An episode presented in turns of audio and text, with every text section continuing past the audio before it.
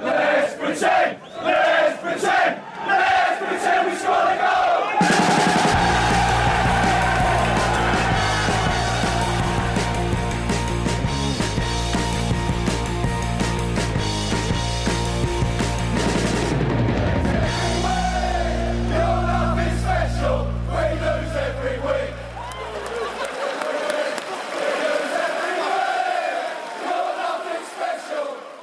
Sportbladets Premier League-podd, det är måndag morgon eh, och vi har eh, Kalle Karlsson tillbaka efter en tid på sidlinjen, utvilad och fräsch. eh, får vi. Glädje. Ja, utvilad och fräsch vet jag inte om det är de orden jag hade använt.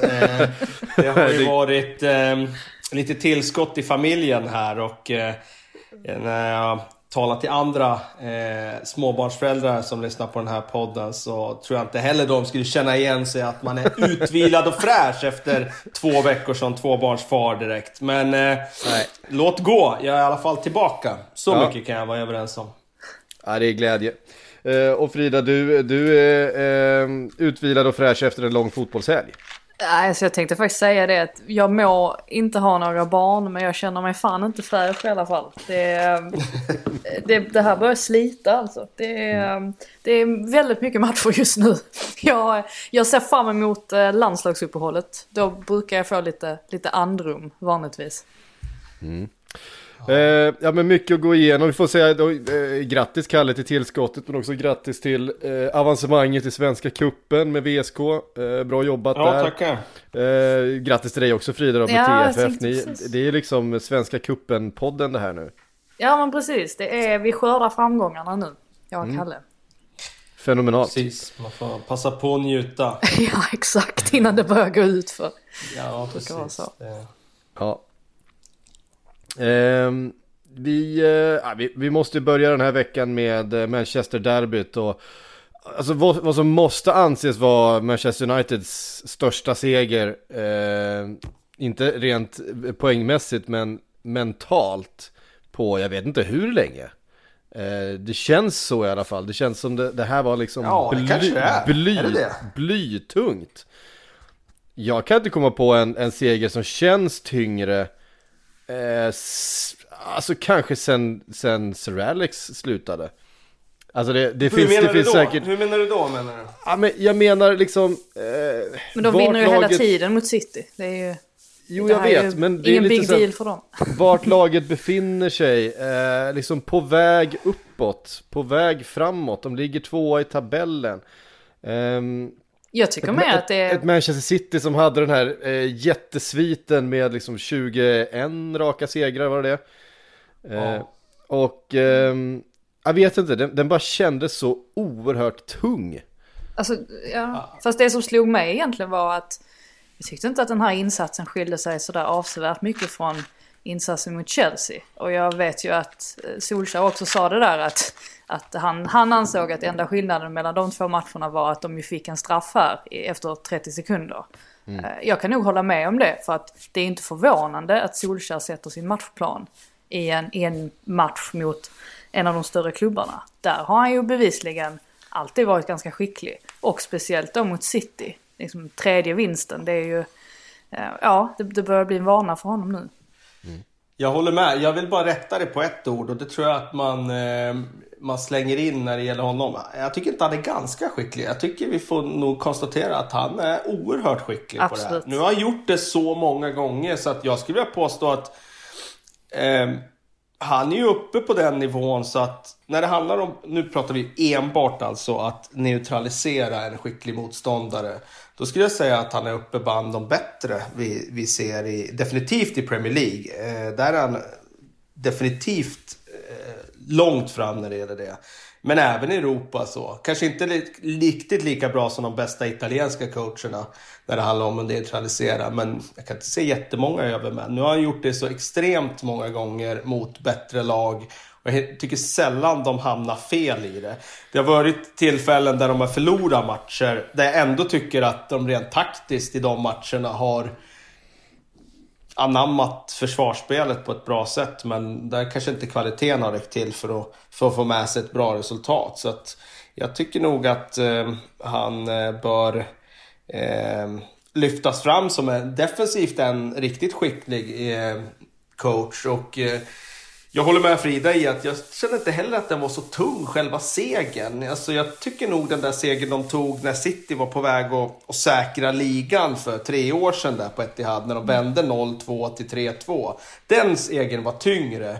Och anledningen till det var ju att annars hade ju de eh, United-supportrar som var på plats fått konstatera, och de framför tv-apparaterna också såklart, fått konstatera att City säkrade ligan genom att slå Manchester United i ett derby. Det hade varit en eh, rejäl, liksom sådär, ett riktigt debacle. Och nu lyckades de förhindra det genom att vända ett 0-2 underläge i den matchen. Så jag tycker nog det var den tyngsta Etihad-segern. Nu har de ju tagit flera stycken. De har gjort till bana faktiskt att åka dit och plocka tre poäng, vilket är väldigt speciellt. För att mm.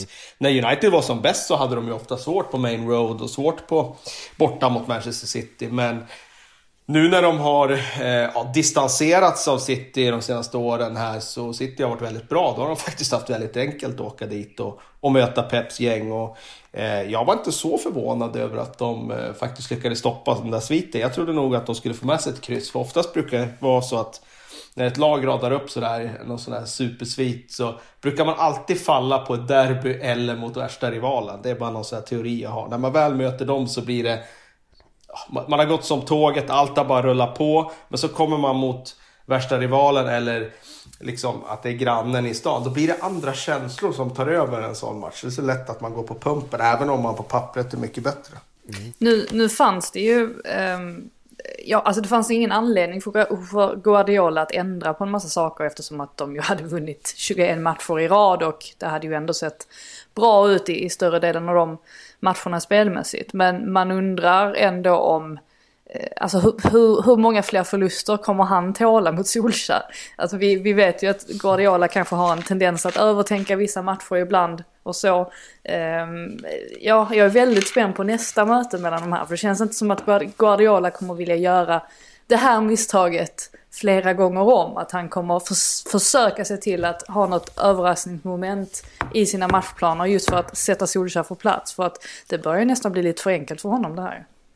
Mm. Vad, vad var det Solskjaer gjorde då? Om vi eh, tittar på det lite mer i detalj. Hur stoppade han det här Manchester City som liksom ingen annan har lyckats stoppa de senaste tre månaderna? Ja, men alltså... Det, mest karaktäristiska draget om man tittar på liksom, hur han ställde ut laget så var det ju att de spelade väldigt brett mellan McTominay och, och Fred tyckte jag. Då. Och framförallt McTominay skulle vara egentligen enbart täcka eh, Citys vänstersida och den korridoren där Gundogan eh, huserade. Och det hindrar ju City att skapa de här tre mot två lägena längs kanterna som de är så otroligt skickliga på att göra. Och nu när de kom ut i de ytterzonerna så var det tre mot tre där istället. Och det, det tog udden av dem. Jag var förvånad faktiskt att de inte hittade någon, någon, någon form av eh, recept mot det. Eh, för det är det som Peps lag alltid tidigare, eller alltid ska jag inte säga, det är väl klart att de också har sprungit in i väggar. Men de har ju alltid haft lösningar över tid. När motståndare gör någonting så hittar de på något nytt. Och de har liksom så många vapen och så många skickliga spelare som kan luckra upp. Men jag tyckte inte de hittade motmedel mot det här. Sen får man väl säga att United försvarsmässigt gör en väldigt bra match. Jag tycker att eh, båda ytterbackarna är ju skickliga. Eh, ja, Van Bissaka är ju skickliga i sådana här matcher eftersom det handlar mest om att försvara. Luke Shaw har ju varit, eh, tycker jag, helt sensationellt bra den här säsongen. Sett till hur tuff resa han har haft de senaste åren.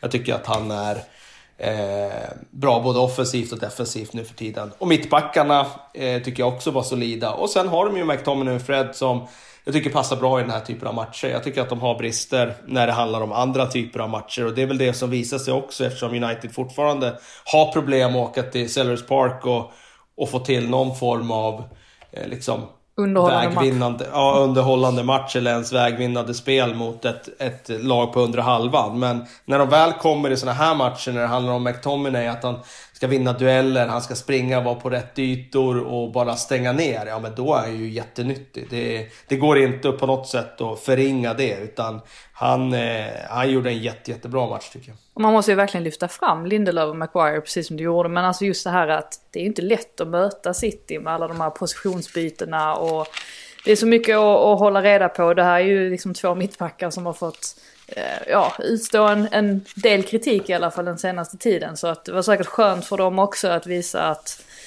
de minsann eh, också kan eh, göra fullgoda insatser som den här. Ja, precis. Och där är ju, juryn är ju lite ute och dividerar den här våren kring om ska Manchester United värva en ny bitback? Behöver de göra det för att slåss om titeln? Och det har ju varit en debatt de senaste åren. Eh, det låter ju liksom... När man värvar en spelare för Maguire-pengar som United gjorde så, så är det ju lite så här, verklighetsfrånvänt att be om, om ännu mer pengar spenderade. Men det har ju varit rätt mycket rykten om ny mittback och vi får se. Jag tror att det handlar mycket om hur, hur det går här sista tio matcherna. Plus hur det går lite i EM här för, för spelarna. Höjer de sin status med, med den turner, insatsen i den turneringen, ja då kan det vara de som United satsar på långsiktigt också. Beror lite på också vilka som blir kvar. Alltså jag tänker en sån som Erik Bajie kommer ju inte vilja vara kvar om de värvar in ytterligare en mittback. Jag tror nästan att det kan vara så att han inte vill vara kvar nu heller. För att han vill ju såklart ha en, en ordinarie plats. Och nu är det ju Lindelöf som är ganska klart tvåa då efter, efter Maguire. Så att Ja. eh, det, det kan nog hända en del där i sommar. Såg ni Bajis tweet där om Maguire eller? Ja, Ja, det, det var rätt roligt. han, han är ju rolig alltså. Det, Ja, han är faktiskt rätt rolig alltså. Vad var det? Stort huvud eller? Ja, Ja, you have a big head. Big head. Ehm, vad... Ja, ska man säga om Manchester City då? De har ju, de har ju sett sådär oslagbara ut eh, fram tills den här matchen och nu ja, såg det ju trögt ut. Eh, långa stunder, spela med en Gabriel Jesus, ehm, eh, Agüero kvar på bänken. Eh, Phil Foden kom in, såg väl ganska pigg ut. Vad, vad kunde han gjort annorlunda? Ja, alltså det man la märke till främst var ju egentligen att De Bruyne har fortsatt svårt att komma upp i den nivån som vi är vana eh, att se honom i. Och vi har också sett att City-spel inte har flutit på samma sätt sen han kom tillbaka. Men sen så har han på något sätt vägt upp för det genom att slå de här fantastiska passningarna som han ser eh, ur ingenting. Eh, som har liksom varit mål Eh, Eller matchavgörande som exempelvis i mötet med West Ham när han slår den här, det här fantastiska inlägget till Ruben Diaz som eh, nickar in 1-0. Eh, I den här matchen så syntes han inte till lika mycket och dessutom så är det svårt att komma ifrån också att eh, City är inte bra när de hamnar i underläge. Vi har sett det ganska ofta och nu har de inte släppt in så många mål. De har inte försatt sig i den situationen på väldigt länge. Eh, Men det märktes ju direkt när de släpper in det här målet att eh, det blir stirrigt i försvaret. Och de håller ju på att släppa in fler mål efter det där. Sen tycker jag ändå att de kommer in bra i matchen. Jag menar första halvlek där så dominerar de ju.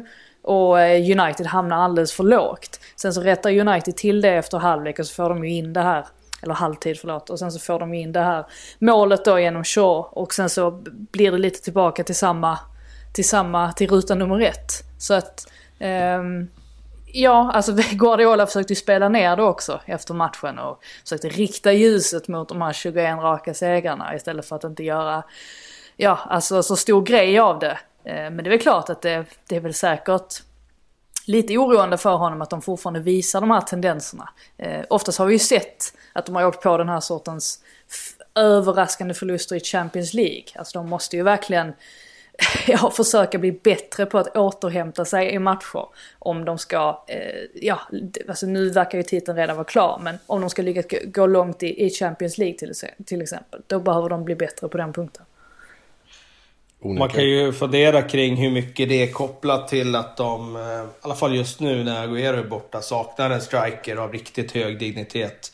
Alltså vad hade Haaland gjort för City som eh, ligger i underläge, bollar ska in i boxen. De har en måltjuv som vill vara där för det första och som är väldigt bra på att avsluta och ta sig till lägen i straffområdet. Jag tror att det, det går inte att blunda för att det är liksom den positionen som de måste förbättra nu om de ska ta nästa steg. Och då, nästa steg då menar jag att erövra Europa. Det är klart att de skulle kunna göra det i vår också. Eh, Så pass bra är de, men ja, det är... Lite det, slarviga också framför straff. Alltså jag menar Sterling hade ju någon, något läge där där han alltså, nästan borde göra mål. Ja, det är klart. Att Men han är ju sån. Han gör ju, han gör ju nästan alltid det i alla matcher. Han behöver ju... Eh, Tre lägen. Ja men han behöver ju fler lägen än, än en riktig striker. Än vad, vad en... Eh, eh, ja, en Agüero eller en Lewandowski. Eh, såklart. Det är ju... De har ju haft Agüero som har varit världsklass på den positionen. Men, med tank, men så fort han är borta så, så, så finns det inget, ingen världsklass kvar där. De har aldrig lyckats hitta en, en ersättare till honom. Och så är han ju borta rätt mycket då. Eh, men Så vet jag inte hur mycket de litar på Gabriel Jesus. För jag menar, igår när United spelade med mittfältet på det där sättet som de gjorde. Det vill säga att de delade på mittfältet och stod väldigt, hade väldigt brett mellan Fred och McTominay. De vägrade ju spela in bollen på Jesus fötter. De hade ju kunnat gjort det. Men det verkar som att de litar inte riktigt på att han... Eh, och han är inte så bra i det spelet heller. Så att, och jag vet inte riktigt om jag ska vara ärlig vad han har riktigt för spets, Gabriel Jesus. Alltså han har ju ingenting som han är 10 av 10 på i Premier League. Eh, han har ju faktiskt varit lite av en besvikelse med tanke på hur mycket fanfar det var när han kom. Mm. Det såg ju bättre ut också när Phil Foden kom in. Det märktes Ja, det att gjorde då det. kom det in en spelare med alltså mycket mer rörelse. Det var nästan som att City de, eh, alltså hade stagnerat helt. De- Det var ju inte alls det här som man har vant sig vid. Alltså just det, de här massiva positionsbytena och, och eh, ja, alltså rörelse eller flyt i hela spelet. Men eh, ja, det blir ju intressant att se här alltså vad Gu- Guardiola gör åt den saken. För att som sagt, alltså City har ju så oändligt många konstellationer som de kan spela i. Och frågan är om det inte ändå såg som bäst ut när de liksom spelade med mer av en falsk nia och Foden fick ja, spela från start och, och hela den balletten. Men å andra sidan då hamnar ju De Bruyne i, i kläm också kanske. Så att det, På bänken. Ja precis och det är ju helt, det är ju, alltså när man tänker på det är det ju helt sjukt att sätta en sån spelare på bänken. Men ja, eh, det, hur som helst så blir det intressant att se vad han gör av detta. Verkligen. Alltså bara tanken på, på Haaland in i det här laget är ju, jag har varit inne på det förut, det, det, det, det är är groteskt. alltså. Ja och då kommer han in med lite tyngd också. Alltså det, han är ju, eh, ja alltså det, det är kanske precis det de behöver. Alltså någon som är så pass fysiskt stark och sen är ju Haaland ändå en sån anfallare som liksom ofta kliver ur straffområdet och är med i själva speluppbyggnaden också till anfall. Så att han är ju, eh, eh, ja det hade varit eh, kul att se eh, honom under Men hade det varit kul för övriga lag? Hade det Nej, tagit bort nej, nej, nej. spänningen? Hade det tagit bort spänningen nästa säsong om Ja. han hade kommit? Det finns ju en risk för det. Verkligen. Alltså bara så här, alltså en De Bruyne som hittar tillbaka till formen och som har en Haaland som löper och trängs och vinner allt i boxen och är ett jävla rovdjur där inne. Eh, Ja, det är, det är, en, skräm, det är en skrämmande tanke. Sen vet man ju inte riktigt hur Haaland resonerar själv. Alltså jag tänker det, det finns ju tydliga kopplingar till Manchester United också. Han kan ju faktiskt lika gärna hamna där, tycker man.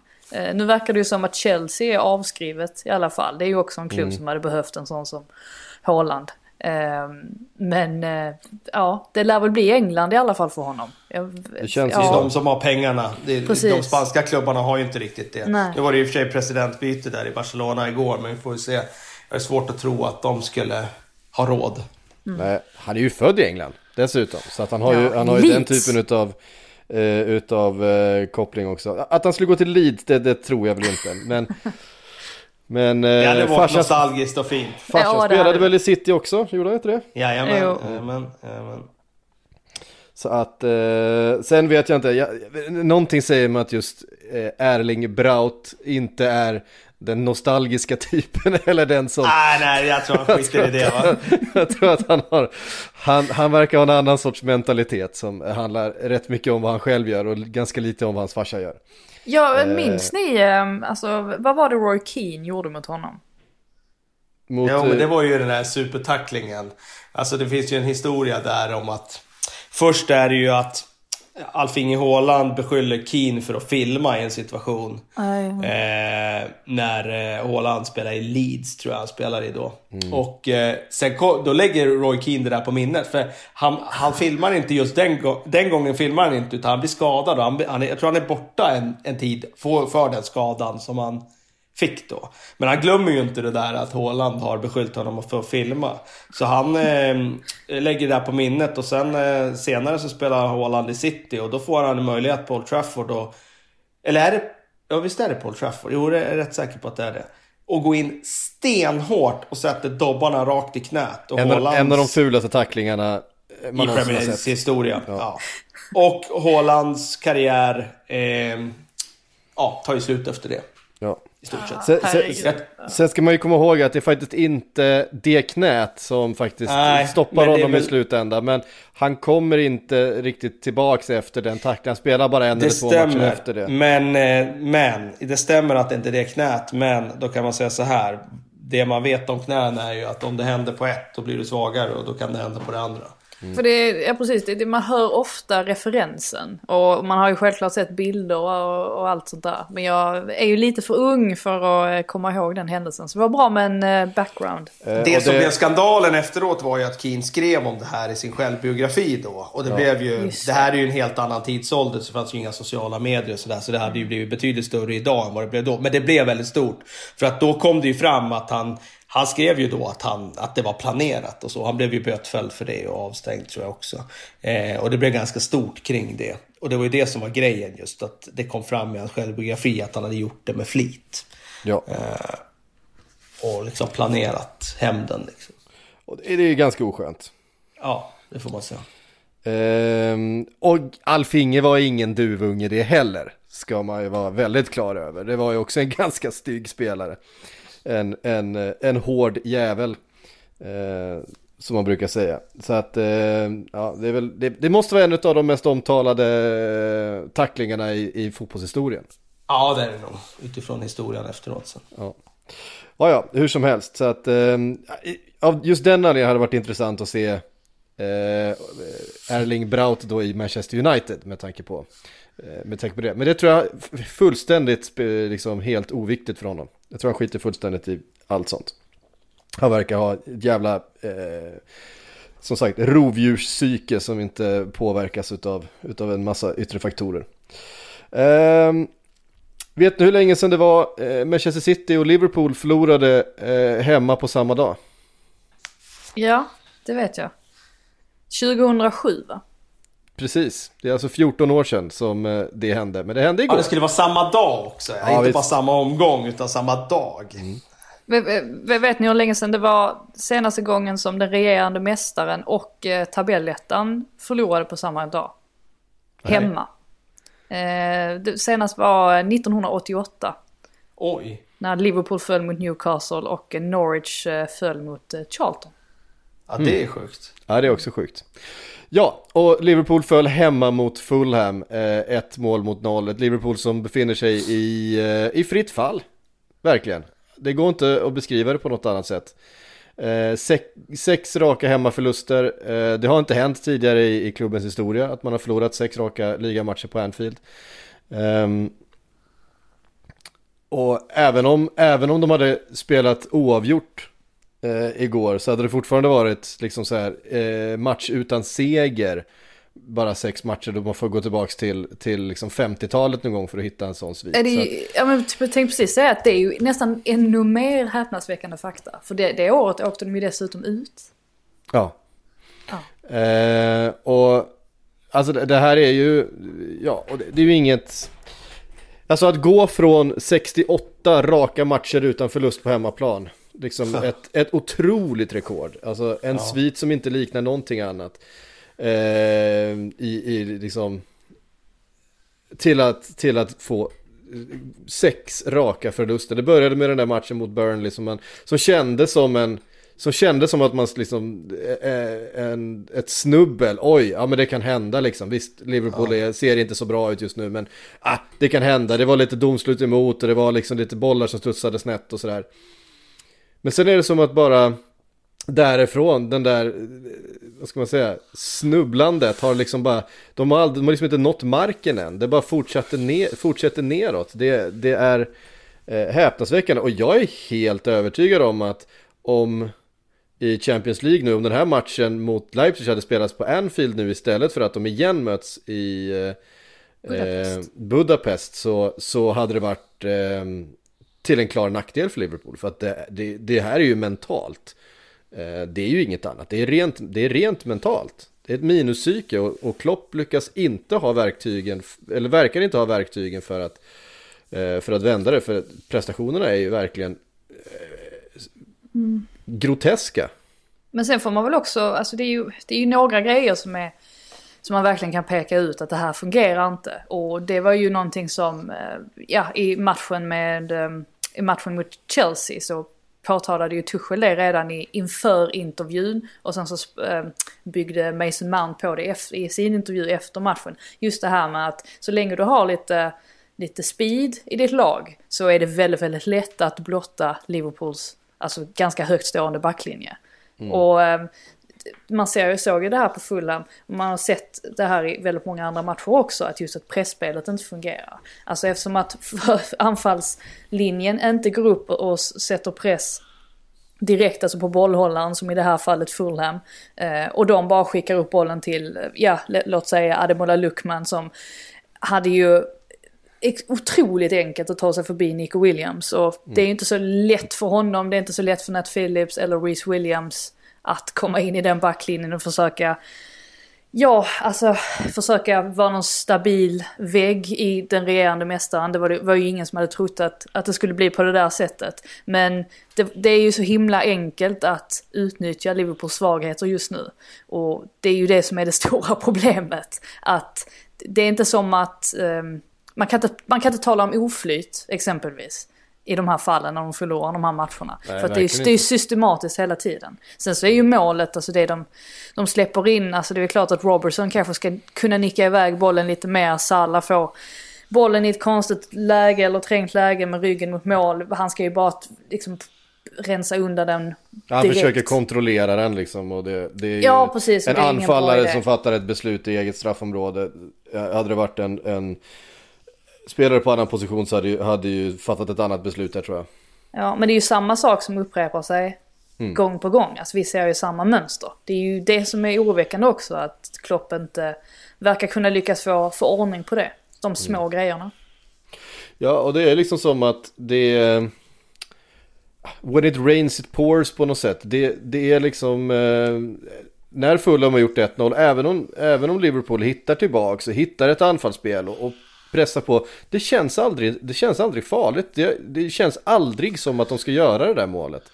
Eh, även om liksom en boll går i stolpen där och man har bra lägen och det, det skjuts och liksom så känns det som att det, det finns bara inte där. Det, det finns ingen, eh, det finns ingen egen tro på det man gör riktigt. Eh, man skickar in lite bollar och man, man eh, försöker på det man har gjort på träningsplanen. Och när det inte funkar så finns det liksom ingen, det finns ingen plan B, det finns ingen eh, kreativitet kvar. Nej, och jag tror inte man ska se det som något unikt heller, utan den här sporten är ju så fascinerande att ett lag kan ju gå som tåget och allt rullar på och man bygger upp någon slags tro när man går in på planen att man är oslagbar och det där smittar av sig framförallt på motståndarna som känner sig slagna redan när matchen börjar. Och så är det någonting... Ja, du nämnde den här förlusten mot Burnley som jag håller med om var, kändes slumpartad. Som ett snedsteg i arbetet. Och, men den ändrar kanske bara lite i tron hos motståndarna. Att de inser att aha, det gick faktiskt att slå dem här borta. Eh, och sen blir det där till en självuppfyllande profetia sen just för att det bara rullar på. Okej, okay, mm. en förlust till. Liverpool börjar tvivla, motståndarna känner att jaha, men de här är ju faktiskt eh, there for the taking som man säger borta i England. Mm. Eh, och det... Liksom laget som var mentalt... Liksom, des, liksom mentality monsters har de ju kallats. Med rätta de senaste åren. Har gått från det till att nu vara räddhågsna och eh, eh, inte tro alls på på egentligen det de håller på med. Och det är, det är fascinerande att det kan gå så fort. Att det, pendeln kan svänga så fort som, som den har gjort i det här fallet. Från den ena sidan av spektrat till det andra egentligen. Sen är det såklart kopplat till personal också. Att man vet ju själv hur det är. Om man byter ut några spelare som spelare så tänker man ju lite så här att aha, okej, nu har vi inte våra bästa S med längre. Då tror man inte på det lika mycket. Och det är klart, nu har de satt in en, ett gäng spelare som som inte har lyckats i Liverpool. De här unga spelarna som spelar i backlinjen nu till exempel. Mm. Eh, de har ju haft det rätt kämpigt och då, då blir det där den där eh, självförtroende-tappet blir ju, liksom, det, det tappar man ju dubbelt upp när, eh, när den som spelar bredvid en, men man känner själv att den kanske inte riktigt håller den standarden som, som man är van vid. Ja, alltså nu dras det ju liksom kopplingar mellan det här året då för Klopp i, i Liverpool med hans sista tid i Dortmund. Och man vill ju få det till då att är, är Klopp på väg ut så att säga? Är det dit man ska börja ta diskussionen? Det finns ju en del skillnader mellan det året i Dortmund och, och den här säsongen. Och det är ju kanske främst då att de, de låg ju väldigt riset på det i tabellen ett tag, Dortmund. De låg och, nästan under strecket. Ja, Ja, de låg, exakt. låg under strecket ganska länge. Ja, till slut gjorde de ju det. Eller Ja, gjorde de det länge där till och med den Ja, jag tror de, fick gå? det, som, det som blev skillnaden för honom var ju när de hade ett uppehåll där kring jul.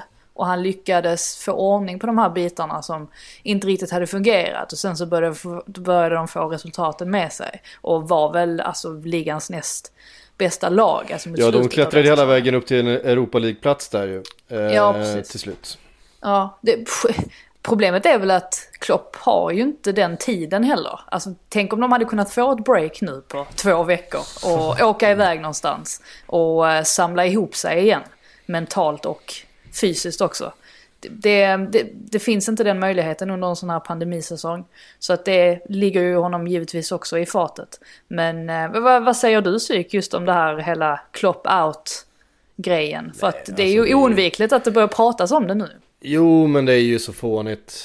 Ehm, alltså, när, när Jürgen Klopp tog över det här laget så var det... Eh, även om de senaste... Även om det har sett liksom bedrövligt ut och håglöst ut och mentalt knäckt ut. Så, är det ju inte, så betyder inte det här att, att det här laget som han har byggt upp under de senaste åren har blivit, har blivit dåligt. Det, det, det betyder ju bara att, att det måste hända, alltså det måste till en, en, en switch och en tro igen. Och det kommer ju komma tillbaka. Jag ser inte liksom vem, att det ska komma in en annan tränare och och rädda den här säsongen på något sätt. Jag, jag, jag är inte alls på Klopp out-tåget. Nej, en- man kanske inte själv orkar, tänker man. Jaha, om han, om han själv kliver av så kliver han av liksom. Det är ju, det kan man ju inte göra någonting åt. Men eh, det finns ju de som tycker att han ska ha sparken och att man ska ringa Steven Gerrard här och nu för att han vann skotska ligan med Rangers. Eh, det är ju, då, då har man ju, jag vet inte, då har man inte riktigt förstått, Ehm, tycker jag, hur, hur eh, det fungerar med, eh, med eh, grupper och, och med lagbyggen och sådär. Det, absolut, man hade kunnat få en, en, ehm, en eh, kortsiktig liksom, boost av att få in en ny röst och att några av de här spelarna som vi vet håller väldigt hög klass vaknar till. Men det är uppenbart så att det finns en del som behöver liksom byggas om i det här laget. Nu har, vi, har det varit en, en, en period där just den här uppsättningen av Liverpool har varit väldigt framgångsrik. Nu kommer Wijnaldum försvinna, eh, med all sannolik, sannolikhet kommer eh, Mohamed Salah säljas i sommar. Ehm, vi har en van Dijk och en Gomez som kommer tillbaka efter väldigt allvarliga knäskador. Vi vet inte vad det är för status på dem. Eh, vi har en Milner som kanske inte eh, kommer vara så framträdande ehm, längre. Så det finns liksom en, en ombyggnation här som ska göras.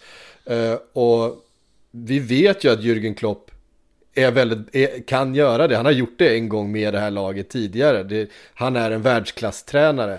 Eh, jag förstår inte hur man kan resonera som att det skulle finnas någon annan som kan komma in utifrån och komma in och göra det jobbet bättre än den tränaren som redan, som redan finns där, som redan trivs och ja, det vet vi inte om han trivs, men om han väljer att stanna eh, och vill göra det jobbet. Så att eh, på det sättet så, så köper jag inte att, att det vore bättre med någonting annat än Klopp. Visst, vi kanske eh, får bättre sportsresultat kortsiktigt, men hej, det finns inga garantier för det heller liksom.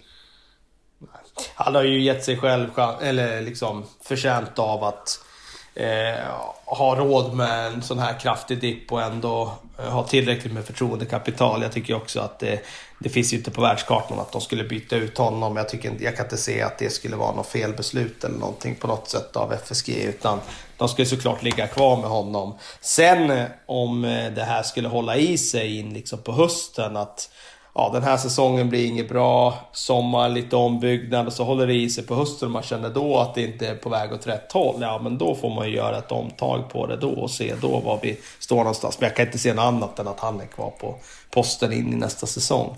Det skulle ju enbart vara om man själv skulle kliva av. Så pass mycket status och så pass mycket eh, förtroende har han ju i leden för att han ska vara säker på sin post. Ja, och han har ju liksom helt övertygad om att han har eh, spelarnas förtroende fortfarande.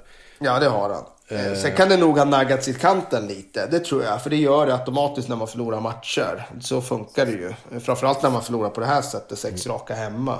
Eh, men han har tillräckligt med förtroende för att han ska leda dem i fortsättningen. Det är inget snack om det. Nej.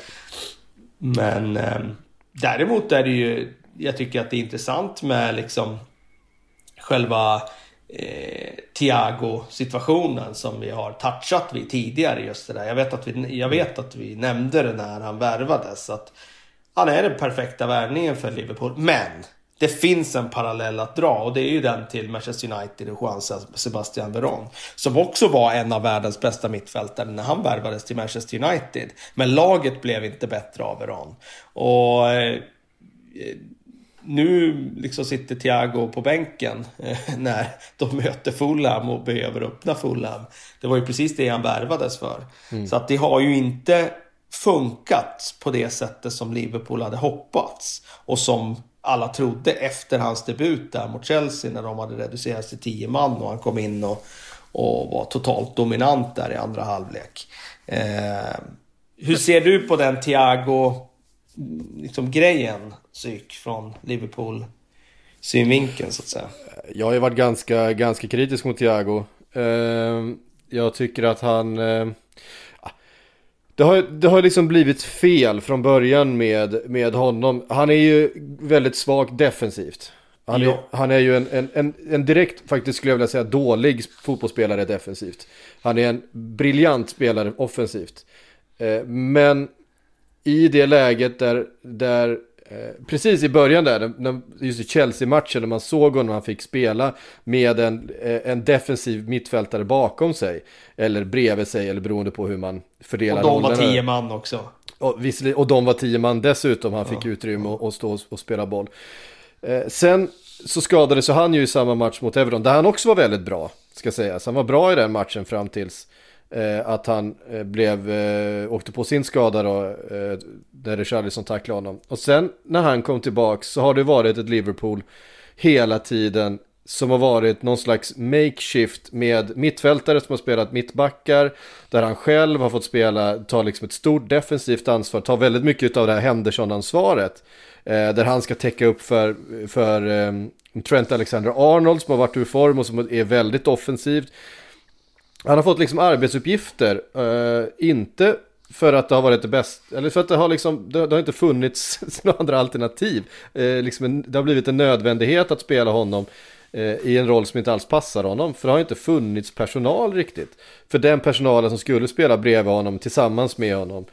de har fått spela mittback eller de har varit skadade. Och, ehm, så att det har ju verkligen blivit tokflopp av allting.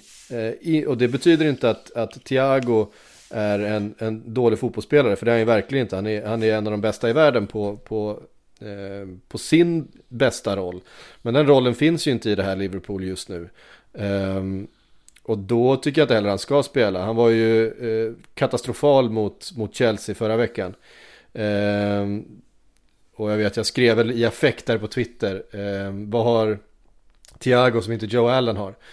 Eh, Fråga deluded Brendan. Ja, precis. Ja, men det såg verkligen ut som, alltså, det var, det var sidledspassningar, eh, lobba hem den till mittförsvaret, leta lite grann, eh, se, ligga lite fel i defensiven hela tiden. Och så var det inte så mycket mer med det. Eh, en och annan liksom fin passning så, men, men inget som, som vann någon mark överhuvudtaget. Problemet är väl också att vi har inte riktigt fått se Thiagos, alltså hans trademark skills eller vad man säger. Alltså det han gjorde sig så känd för i Bundesliga. Alltså, alltså den, hans sista säsong där så, han hade ju bättre, alltså lyckade tacklingar, alltså rent statistiskt, än, än både Kimmich och, och Goretzka på, på samma positioner där ju. Och um, alltså var väldigt lyckad överlag, alltså i försvarsbiten. Sen är ju Bundesliga en liten annorlunda liga, den är inte alls lika fysisk som, som Premier League är. Och sen så dessutom det här att han ofta var så bra på att ta sig förbi en hög press, alltså utan att slå den här långa bollen. Mm. Uh, att han kunde vända bort liksom, tre, fyra motståndare i en enda rörelse. Jag har inte alls sett de grejerna från honom. Så att det är ju, um, det är ju lite oroväckande på så sätt att, att han inte ens har kunnat visa de grejerna som man kanske, uh, som man kanske tänkte att han skulle kunna tillföra. Nu är det ju mest att han, allting blir ju lite långsammare bara när han har bollen, tycker man. Ja, ja. Ja, vi måste vidare. Eh... Måste, måste prata lite om Fulham också. Jag säger någonting här, om Fulham, ja. Här måste man, eh, som sagt, eh, som Scott Parkers eh, språkrör sedan, eh, ja, sedan oktober, november, så, eh, så konstaterar jag bara att han ju verkligen har fått ihop det här laget. Sen, det har vi sagt massvis med gånger att de såg så katastrofala ut inledningsvis på säsongen och sen så värvar man in, eller lånar in snarare, x antal spelare och nu ser det faktiskt ut som att de kan komma att klara sig. Eh, och eh, det trodde vi ju verkligen inte för, ehm, ja, när det gick så dåligt där i början. De har ju faktiskt ett väldigt ett väldigt underhållande lag att se på också. Just det här med Luckman på, på vänsterkanten, de har fått in Josh Maya som verkligen eh, är klinisk i boxen, alltså en sån, alltså en riktig striker helt enkelt. Och eh, då ihop med eh, att de har en väldigt, väldigt stabil backlinje numera, inte minst eh, på grund av Joakim Andersen. Så att det ser väldigt ljust ut för dem och eh, jag tycker ändå att han, eh, han förtjänar det på något sätt. Han skulle förtjäna att ehm, få dem att klara sig kvar för att de har ju lyckats ändra på de detaljerna som inte fungerade inledningsvis på säsongen. Mm. Jag läste någonstans att de har släppt in minst antal mål efter Manchester City sen, ja, vad det nu var, ja. december eller något sånt där. Vilket är en helt remarkabel scenförvandling. Eh, det är bara att lyfta på hatten för någonting har de ju uppenbarligen satt på plats där eftersom det såg så himla rörigt ut i början. Och det var ju nästan normaltillståndet, det vi förknippade med Fulham i Premier League, att det var rörigt, att de inte riktigt höll måttet där bak. Så att eh, de har verkligen fått till det nu. Eh, jag tyckte de gjorde en otroligt bra match nu på Anfield. Det var ett lag som höll ihop hela vägen, både offensivt och omställningsmässigt. Och som du var inne på där, Andersen Aderbaray. Adara, vad heter han? Adarabioyo. Dar, Adarabioyo. Ja. Eh, typ. Han, eh, de såg ju riktigt bra ut i mitt försvar den här matchen. Mm. Ja, han, han var en spännande mittback. Vi eh, tar oss vidare till eh, Tottenham Crystal Palace. 4-1. Firma Bale Kane. Som Tottenham-supporterna har drömt om, eh, drömt om det här. Två mål av Bale, två mål av Kane. Eh, och överlag ett, eh, ett imponerande Tottenham igen. Det har det ju sannerligen inte varit hela den här vintern. Men, men igår såg det verkligen, eh, så föll det på plats eh, hemma mot Crystal Palace. Ja, de hade ju en del flyt mot eh, Fulham borta då. Eh, jag var ju på den mm. matchen. Och första halvlek var de ju totalt dominanta och Mourinho ställde ut en jätteintressant 4-2-4 uppställning eh, med eh, Dele Alli då också som eh, han och Harry Kane skiftades om att droppa ner lite men i stort sett så låg de jämsides där uppe. Alla fyra offensiva spelare. Eh, och sen så i den här matchen så valde Mourinho Lucas istället eh, för Dele Alli. Och eh, ja, alltså det fungerade ju bra. Det, det, man tar med sig är ju såklart dels att Gareth Bale och Harry Kane har börjat få ihop ett väldigt fint samarbete. Och det är ju Kane som spelar fram till båda Bales mål där. Och sen så emellan så kvitterar ju Benteke där kort innan paus. Så att det blir ju, man trodde ju kanske att det skulle bli lite, lite nerv i matchen. Men så kliver, kliver Kane fram och drar in det där målet. Eh, som jag tycker är alltså ett av säsongens absolut vackraste mål. Eh, helt otrolig träff från utkanten av, av straffområdet, eller någon meter utanför straffområdet. Eh, ja, det var hög klass och eh, sen så gör han ju dessutom ett mål till och då är det ju Son såklart som spelar fram till det, mål, till det målet för han ville väl inte vara sämre så att när de har en fantastisk eh, offensiv uppsättning nu Tottenham i och med att Gareth Bale också har vaknat till liv. Så att helt plötsligt så börjar man ju, sitter man ju och tror att det är väl klart att försvaret är ju fortfarande vad det är. Vi vet om att de kan göra misstag, eh, det är inte världens mest stabila linje, eh, försvarslinje, men nu ligger de ju på en sjätte plats och är liksom två poäng bakom Chelsea på fjärde platsen så att de har ju absolut ett jättebra utgångsläge här för att, eh, för att ta en, en Champions League-plats. Men som sagt, då får de ju försöka skala bort de här misstagen som de har en tendens att göra ibland. Ja. Uh, jag vet inte vad vi behöver säga något om Crystal Palace. Benteke gjorde mål, det är ju alltid en, ja, det är... en, en, en novelty. Har han gjort några mål? Han har gjort några mål den här säsongen. Ja, det är det som är så sjukt alltså. Att han har faktiskt har gjort det. Det är faktiskt ganska sjukt. För att, det är typ tre, fyra mål och det hade man ju inte förväntat sig. Nej. Hur länge gick han där utan att göra mål? Det ja, var ju det var jävligt länge i alla fall. Ja. Mm. Väldigt länge. Ja, jag tycker Palace ser trött och trist ut nu alltså. Herregud, ja. vilket, vilket Det måste ju bli Roys sista säsong där. Det tror jag. Packar inte ihop efter det här nu. Frågan är vilken väg de väljer då, för de har ju testat det där med De Boer-spåret liksom och gå på en lite yngre, spännande inte så bra. Fyra matcher hade de tålamod med det, sen släppte de det testet. Ja, eh, ja, det är en bra fråga, men jag får ju känslan av att de kommer fortsätta jobba brittiskt i, eh, i Crystal Palace. Um, jag var inne lite eller... på Sean Dyche, men eh, det var, det var ingen som det var ingen som tyckte att det förslaget var bra. Jag tänkte kanske att Sean Dyche, alltså nu är jag med att, jag vet att jag har sagt detta tidigare i podden, alltså nu är jag med att Burnley har fått nya ägare, det kanske inte är helt säkert att han kommer komma överens med dem. Så kunde jag se ett scenario där Dyche kanske är villig att lämna Burnley och då kanske Crystal Palace skulle vara intresserad av honom. Man vet ju i alla fall lite grann vad, vad man får av Daesh. Och han är ju en, en skicklig tränare, har ju hållit uppe Burnley nu i x antal år. Och ja, vill man ha något stabilt och säkert så är han ett bra val. Ja, hade jag varit, hade jag varit Crystal Palace så hade jag haft ett, ett kontrakt skrivet med Eddie Howe. Eh, till nästa säsong. Och låta honom börja bygga om det här laget och göra något Ja, han är väl på marknaden i alla fall va? Han är ju tillgänglig och eh, de, behöver, de behöver ju få in lite, lite, lite nytt tänk tror jag. Det känns som att eh, Sean Dyche då hade det, ah, jag vet inte fan. Jag tycker bara inte, det är väl klart att han, han anses vara tråkig med sin 4-4-2 och då har det inte blivit sån stor skillnad jämfört med, med eh, Roy Hodgson. Men eh, jag bara menar att om nu klubbar vill se till, alltså om, man tycker att eh, ett säkert kontakt är det viktigaste av allt. Då är han ju inte ett sånt dumt alternativ egentligen. Mm.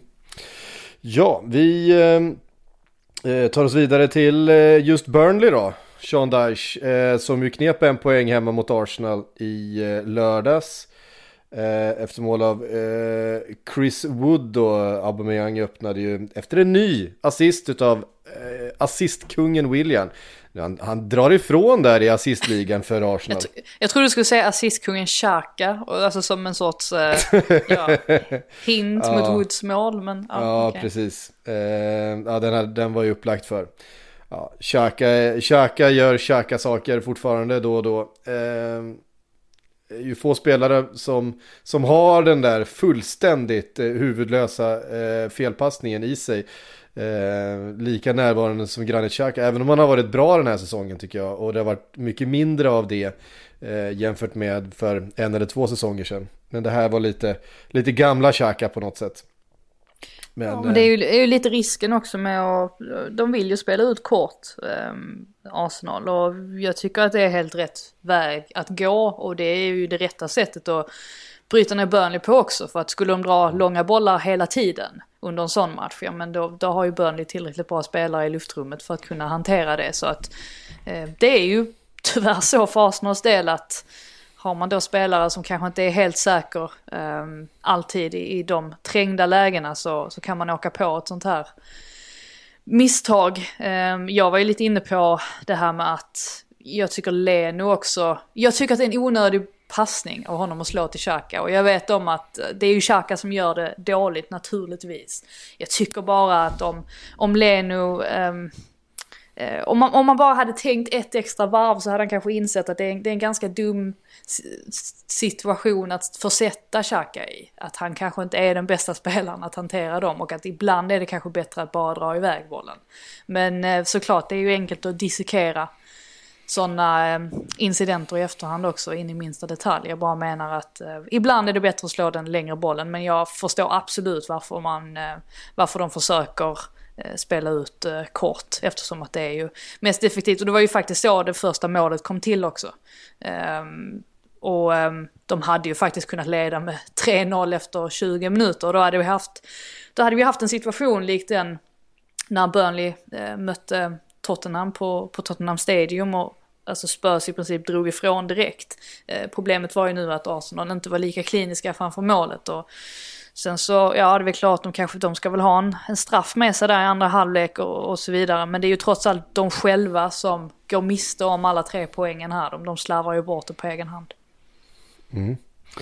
Um, vi um, Eh, tar oss till eh, Brighton. Jag trodde verkligen på förhand här att Brighton skulle ha eh, slagläge mot ett Leicester som dels är väldigt skadedrabbat men också som har börjat misstänka lite grann att de var på väg in i en period liknande den som avslutade förra säsongen. Det har liksom sett ganska trögt ut, resultaten har gått emot eh, Leicester och sen framförallt när de får det här målet genom Adam Lallana eh, tidigt. Fint mål, men det är ju också eh, Amartey är det väl som springer och tittar boll och upphäver offside på ett eh, juniormässigt sätt nästan. Eh, som öppnar för att han kan, eh, Mopé kan slå in den här bollen till, till Alana. Tog revansch sen dock ju. Amartey. Ja det gjorde han. Han, han sätter ju faktiskt eh, tvåan eh, för, för Leicester till slut. Men eh, stark, jag tror väldigt viktig seger för Leicester som var på väg in i en, i en riktigt trist trend. Eh, och där liksom skador och tungt matchande och så vidare kan, kan eh, ja, skicka in dem som vi har sett, ja, vi pratade om med, med, Liverpool. Det var ju någonting som Leicester upplevde förra säsongen där man hade liksom säkrat en Champions League-plats kändes som och sen bara liksom rasade rätt igenom och tappade den i sista omgången. Eh, men här, här hjälper ju Brighton till också. Eh, ja, det gör Får man säga. Dels så skapar de inte lika mycket, många lägen som man... Alltså vi har pratat mycket om att deras expected goals har varit jättehögt men de har inte gjort mm. så många mål. Här skapar de ju faktiskt inte alls lika mycket som vi kanske har varit vana vid. Eh, sen, eh, alltså jag har ju kontinuerligt försvarat Graham Potter och har full förståelse för att han sitter i en jättejobbig sits skademässigt. Eh, kommer det rapporter nu precis om att Lamptey kommer missa resten av säsongen så att vi kommer inte få se mer av honom. Och eh, det är ju väldigt tungt att man har tappat båda sina wingbacks i Solly March också då som också mm. blir borta resten av säsongen. I den här matchen så tycker jag ändå att han borde ha känt på sig för att Alltså fram tills Ianacho gör det där kvitteringsmålet och hela den perioden därefter så hängde det ju i luften att Leicester skulle, skulle göra mål. Och att han då inte, alltså nu spelade han ju med McAllister och Bissouma på centralt mittfält. Och det, det är klart att det finns, det, det finns ju förståelse för det. Eh, eller det var ju Gross också var, var på planen. Och man, man har ju full förståelse för att alternativen kanske inte är så många. Eh, I och med att Webster också var borta så var ju Ben White tvungen att, att spela mittback exempelvis. Mm. Men att han inte sätter in en till spelare som ger understöd till Bissomar för att han, han hade han, han hade väldigt, väldigt mycket att göra. Alltså, Pröper fanns ju till exempel på bänken.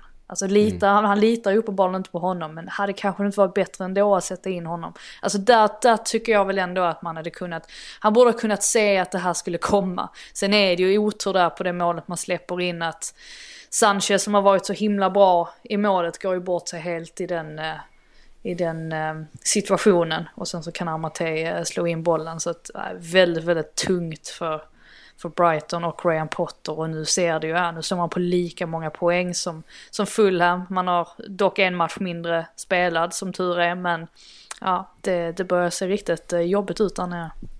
Mm. Ehm, ja, Fulham kommer ju med full fart eh, underifrån nu. De har ju eh, riktigt momentum. Samtidigt som känslan är ju att Brighton skulle ha fått med sig några poäng under den här fina vintern. De har spelat så bra och tagit liksom inga poäng alls. Eh, det är eh, den där eh, striker-problematiken har verkligen kanske blir det som avgör hela säsongen för dem till slut, att de inte har en målskytt. Jag måste säga någonting om, om eh, Leicesters första mål, alltså Thielemans passning till Iheanacho. Eh, ja, den är bra. Samtidigt får man inte gå bort sig i försvaret på det sättet som de gör där. Det, ja, jag tyckte det såg billigt ut alltså. Ja, men det är en, det är en ganska, det är en, det är en, är en, han får ju rulla den på, på en väldigt smal, eh, i en väldigt smal, det är så minigolf, eh, Ja. en mini, minigolf eh, hole-in-one typ, att han, han eh, trär den verkligen igenom hela, i den luckan där. Och sen att det är no look, det, det, No Så look gillar man ju. det gör man, absolut.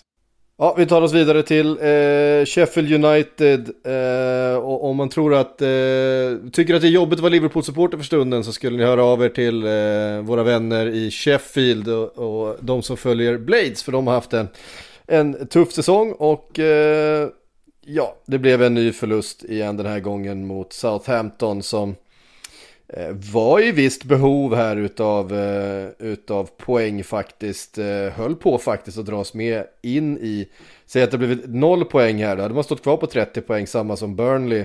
Och bara då fyra poäng före, före Fulham och Brighton och så vidare. Eh, liksom på gränsen till att dras in i en nedflyttningsstrid. Eh, ett Southampton som vi har hyllat så mycket under den här säsongen och som har sett så, så fina ut under eh, perioden. Nu, nu eh, fick man vinna igen efter eh, mål av eh, Ward Prowse som har tappat lite i form. Han såg så otroligt fin ut under, eh, under delar av hösten. Det är väl kanske lite beroende på att Romeo eh, inte har funnit...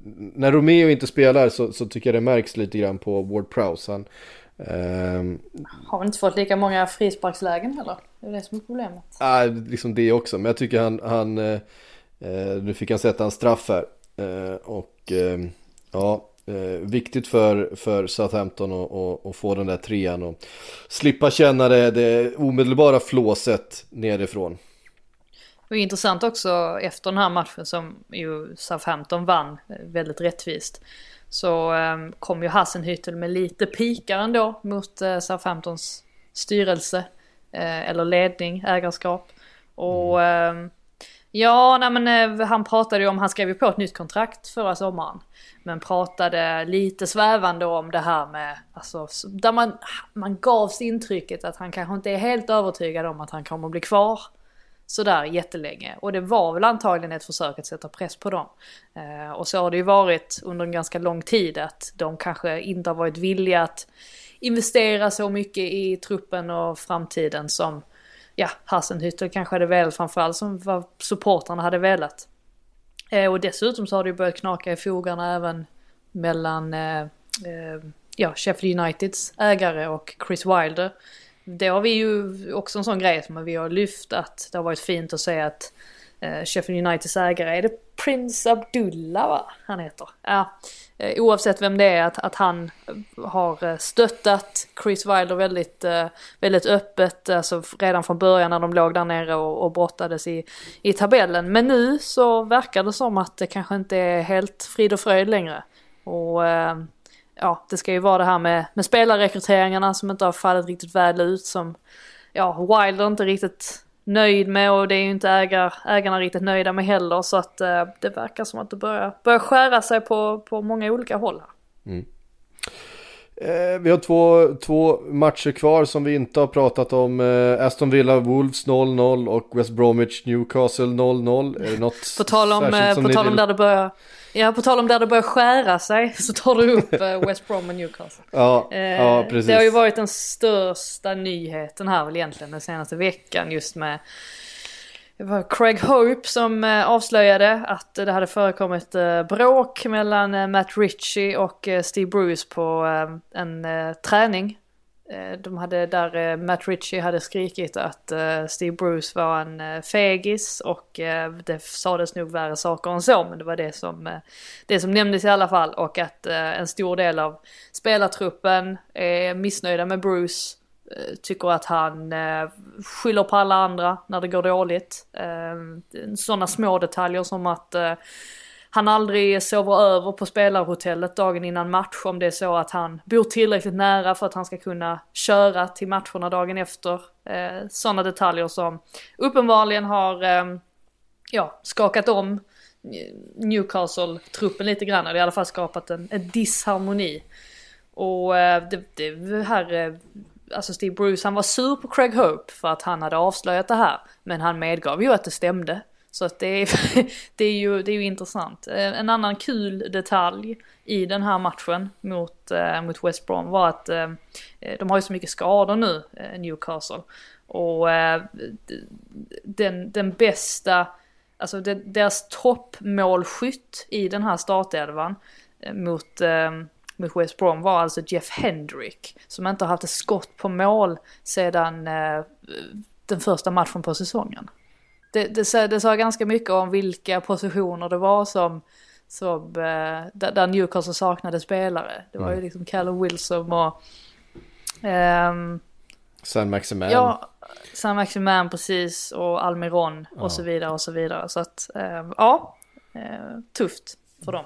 Den här matchen eh, blev väl föremål för en del raljanta kommentarer också när det handlar om underhållningsvärdet. Vad jag förstår så, så de som bevittnar den här tillställningen förlorade två timmar av sitt liv som de inte får tillbaka ungefär. Det var eh, vad jag förstår ingen, ingen sprakande tillställning. Vad menar du? Steve Bruce mot Big Sam? Är det- Var det inte upplagt för fyrverkerier eller? Ja, det, man kan ju tro det men eh, uppenbarligen inte. Ja, Newcastle spelade ju verkligen för kryss här. Det var ju väldigt eh, tydligt. Eh, Mot West Bromwich också, Ja. då blir det ju inte jättespänstigt kanske. nej, precis. Men det säger väl också om hur eh, riset de eh, trots allt ligger på det där i tabellen. Eh, Aston Villa New, eller vad säger jag, Aston Villa Wolves. Eh, även 0-0 där. Ehm, ja, två. Nu börjar det bli en del 0-0 matcher alltså. Ja, Eh, tycker det. Ja. Mönster. ja, det var väl eh, Martinez eh, gjorde väl ett par fina räddningar där eh, för Aston Villa och höll. Det var det Connor Cody. Målsprutan Connor Cody som gjorde sitt första eh, seniormål överhuvudtaget tror jag. Härom, City. ja. härom veckan, ja precis mot City, hade ju ett jätteläge. Det var väl hans första, det var väl hans första avslut till och med på mål. Det tror var något till helt bisarrt. Och hade ju ett, hade ju ett eh, jätteläge att göra mål där, men det, det, det, är, det är ju ingenting han har ens tränat speciellt mycket på i sitt liv, att, att stoppa bollen i nät. Han ska ju hindra bollar från att eh, nå det egna så att säga. Eh, men ja, vi eh, går över och svarar på lite frågor eh, som vanligt. Eh, Kass eh, skriver så här, är det dags för Glazers att sluta förstöra klubben och återinvestera i Haaland, Sancho, NDD och Varann i sommar? Och så har Oj, han- och så Oj, har han ja. lagt upp en, en graf här på eh, hur mycket pengar som ägarna då har stoppat in i rekryteringen där, där Manchester United ligger klart sist. Eh, där har man då plockat ut 89 eh, miljoner eh, jämfört med Chelsea där ägaren har stoppat in 440 miljoner.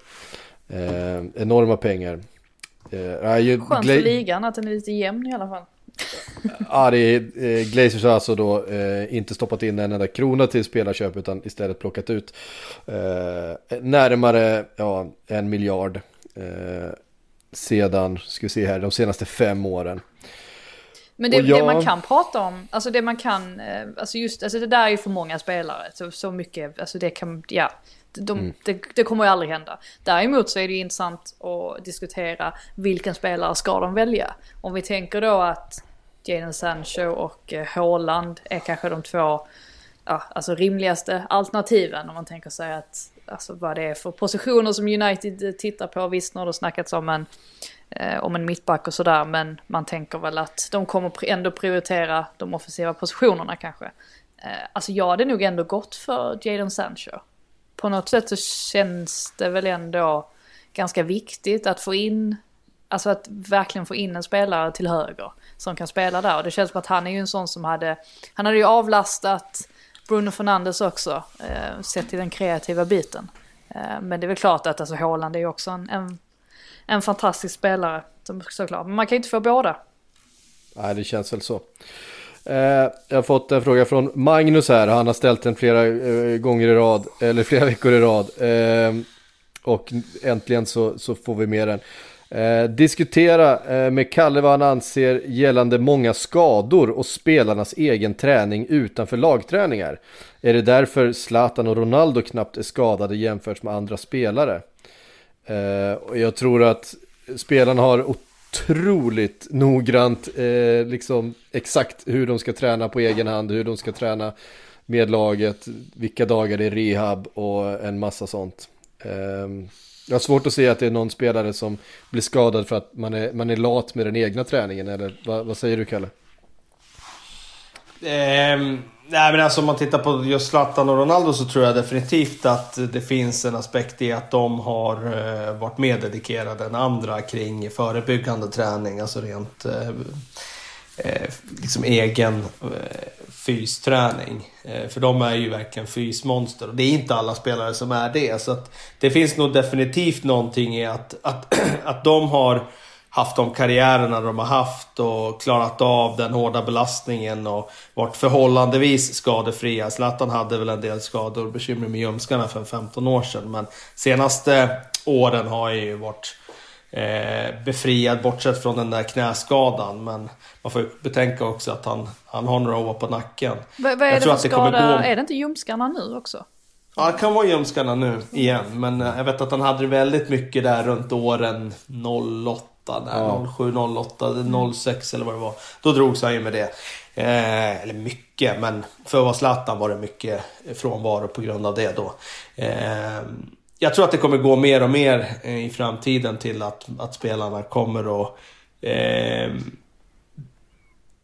sköta skadeförebyggande träning som om de är en individuell idrottare. Givetvis med uppbackning från klubben och klubbarnas fysteam och så vidare. Men som Ronaldo har gjort så har han ju, eh, har det ju varit mycket liksom egen, en egen drivkraft att, att eh, bygga det på det sättet som han har gjort. Och det har han ju gjort egentligen från det att han kom till Manchester United. Jag vet inte om ni minns, men han kom och var ju ganska spenslig och så bara small det till över en sommar där och mm. plötsligt så var väldigt, väldigt muskulös och, och stod emot tacklingar på ett sätt som man inte såg han göra under första säsongen. Så jag tror att eh, eh, jag tror att det kommer att gå till att spelarna kommer bli mer och mer eh, att de sköter eh, rehabträning, skadeförebyggande träning på det sättet som, som en friidrottare gör. Och jag tror definitivt att det har att göra med i Zlatan och Ronaldos fall att de har varit väldigt dedikerade kring sin egen träning. Eh, och det har gjort att de har byggt upp, byggt upp sig på ett sätt som andra inte gör. Sen är det svårt att... Jag, jag, jag säger att det är ytterst få som, som tränar på det sätt som de gör. Eh, men jag tror att det kommer gå mer åt det i framtiden. Mm. Det är ju läst en intressant artikel om just det här vad, hur eh, klubbarna hanterar eh, alltså det tajta spelschemat nu och vad de egentligen gör däremellan. Att eh, de här vanliga träningarna i princip helt är borta i många klubbar. Eh, Leicester till exempel eh, befinner sig nästan bara i poolen eller på eh, ja, alltså träningscyklarna emellan matcher istället för att vara ute och spela och träna med boll. Och det är ju såklart då för att eh, eh, de ska lyckas återhämta sig tillräckligt mycket. Och det eh, fanns också en, en jämförelse mellan olika spelare. De tog upp eh, exemplet med Mares när han spelade i, i Leicester. Att han knappt behövde någon tid överhuvudtaget för att återhämta sig. Medans Jamie Vardy är en sån spelare som kanske behöver tre dagar egentligen. Eh, alltså från att han har spelat en match tills att han, man kan se på värdena att han är 100% återhämtad. Så att det, det, finns ju en, en skillnad där också såklart mellan spelarna och hur dynamiska de är på planen och så vidare. Mm. Uh, ja, alltså det, sen, skador det finns ju så mycket, det finns ju skador som är, som är uh, möjliga att, att förebygga såklart. Sen har vi, Eh, mycket skador som har med genetik att göra också. En del eh, är ju genetiskt eh, bättre, har bättre förutsättningar än andra. Eh, och jag tror att i många så individuella sporter med enorm eh, påfrestning så, så eh, den typen utav, utav förutsättningar faller nog bort tidigare i, eh, i karriären än vad man gör i fotboll där man har, liksom, kan komma undan med, med andra typer av eh, kvaliteter, med, med teknik, med liksom sådär och komma långt. Um, men att det kanske i liksom den här senior, eh, liksom den, den högsta högsta nivån i, i, av spel eh, blir helt enkelt för tuff. Um, Johannes Polbring, det här tycker jag är lite intressant. Eh, skulle inte Adama kunna må bra av en Antonio-omskolning? Hyfsat lika egenskaper, om möjligt skulle Adama vara ännu bättre, ännu bättre på omställningar. Eh, det hade varit intressant att skola om Adama Traoré till en liksom en target och en, en, eh, ja, en Antonio-typ. Vad säger ni? Ja, det hade varit intressant. Eh, det tycker jag. Jag eh, kan se framför mig att han hade varit väldigt bufflig och svår att Han måste lära sig nicka. delar av spelet. Ja, det, ja, precis. Han behöver ju bli en bättre boxspelare. Sen behöver han utveckla det felvända spelet så han kan länka det lite grann. Så han kommer ju aldrig bli liksom Giroud på det. Men han kan ju bli bättre än vad jag kan ana att han är idag. För han har inte spelat så mycket felvänd i sin karriär.